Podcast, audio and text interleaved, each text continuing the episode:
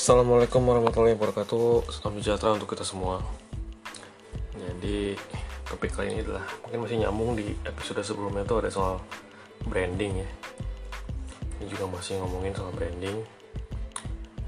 Dan saya bukan ahli ya Saya tidak kuliah branding. Saya bukan seorang brand manager Juga uh, bukan belum belum merumuskan suatu merek gitu yang bisa laku.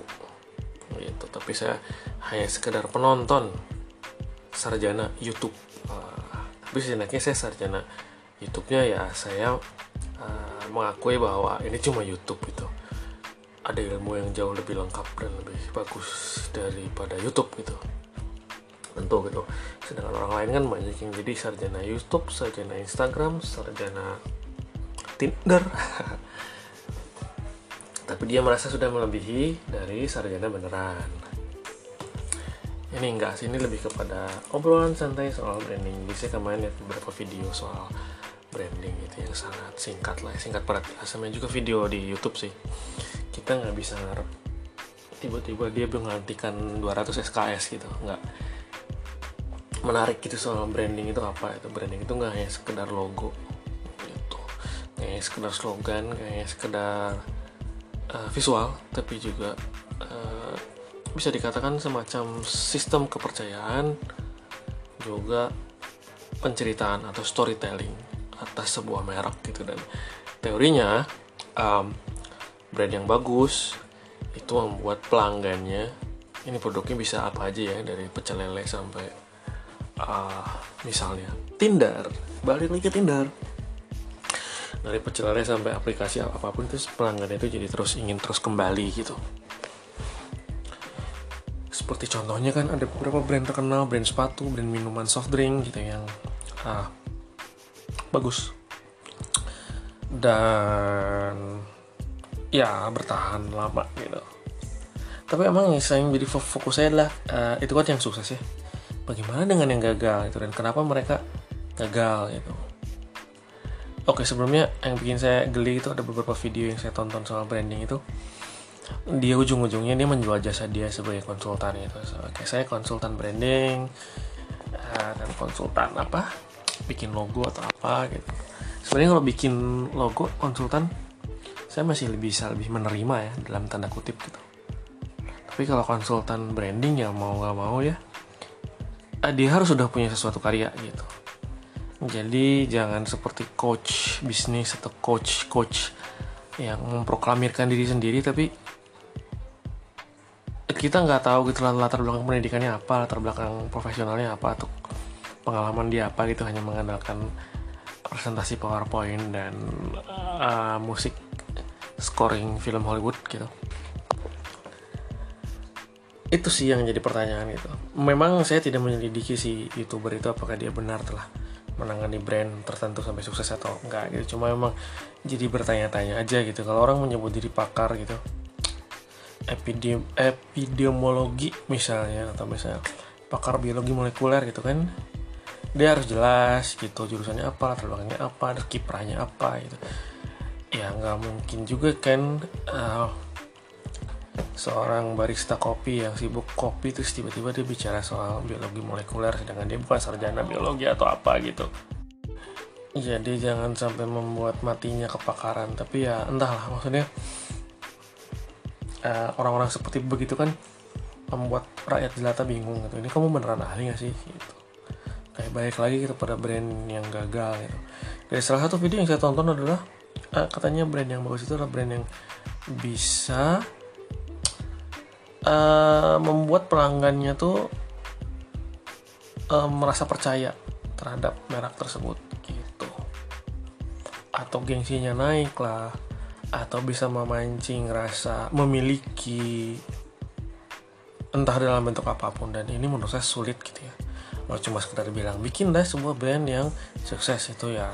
Anak SD juga bisa bicara tapi ketika bagaimana nyusun logonya slogannya terus kemudian juga menciptakan storytelling kemudian dicocokkan dengan produk lalu kemudian juga bagaimana mencocokkan dengan pangsa pasar sampai akhirnya ter terjadi suatu hal yang disebut profit ya itu kan panjang jalannya gitu justru saya yang cari itu adalah kegagalan branding gitu dan uh, entah kenapa saya, saya nemunya malah di channel youtuber luar negeri itu bukan youtuber Indonesia gitu.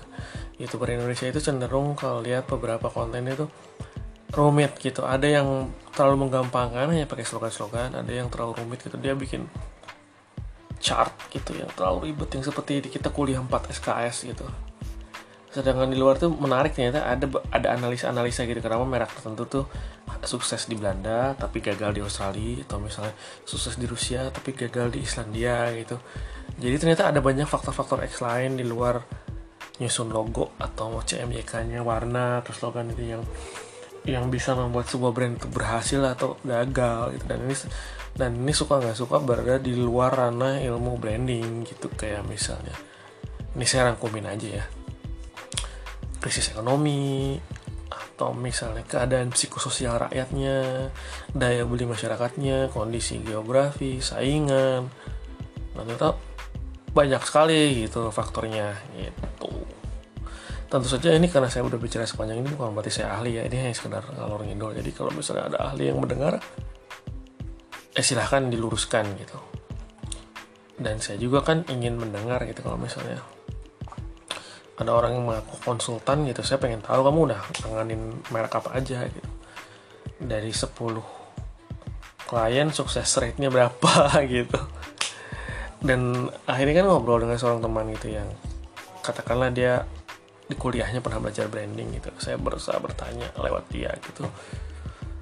Uh, dan dia sendiri bilang bahwa ya uh, walaupun logonya bagus slogannya bagus storytellingnya bagus tapi ya kalau tidak bisa memenuhi kebutuhan rakyat yang membut kebutuhan rakyatnya ya itu nggak nggak berhasil gitu. Dan justru di situ susahnya nyari kaitannya di situ gitu. Dan memang jatuhnya ke timing juga kan jadi branding itu memang masalah yang cukup pelik gitu. Yang tidak sempurna bilang ah, kita brand lokal gitu. Cuma jual karya anak bangsa terus berharap orang tuh langsung cinta itu kayaknya terlalu menggampangkan gitu atau brand lokal yang terlalu percaya diri gitu sehingga dia menjual produknya dengan harga selangit gitu. Padahal mereknya tuh baru baru muncul sebentar gitu bukan merek yang lama atau yang udah dipakai Leonardo DiCaprio gitu cuma kayak sepatu handmade doang tapi harganya diselangit-selangitin gitu. Saya pikir tidak seperti itu ya. Saya pikir branding itu bukan cuma sekedar pakai nama kece logo kece terus tiba-tiba harganya jadi tujuh kali lipat. Dan kalau orang tanya kenapa harganya tujuh kali lipat jawabannya karya anak bangsa. Saya pikir nggak sederhana itu. Pasti ada faktor X lainnya gitu. Dan itu yang saya bertanya. Jadi podcast ini adalah podcast bertanya gitu. Bukan podcast yang menyuapi anda. Oh, seperti ada sesuatu yang dilempar. Sudahlah. Uh, jadi ini podcastnya bertanya. Begitu sekaligus juga kan di episode yang lalu juga saya menyindir gitu. Merek-merek lokal yang terlalu percaya diri dengan harga selangit gitu. Apakah mereka juga memiliki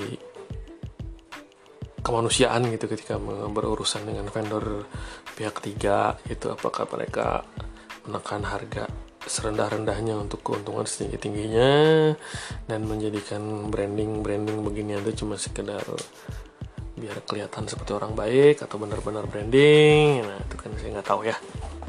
Tapi memang yang menjadi suatu perhatian adalah merek yang baru juga muncul gitu. Harganya udah selangit udah seolah-olah staraf gitu gitu. Jatuhnya kan geli liatnya gitu. Udah sekian dan terima kasih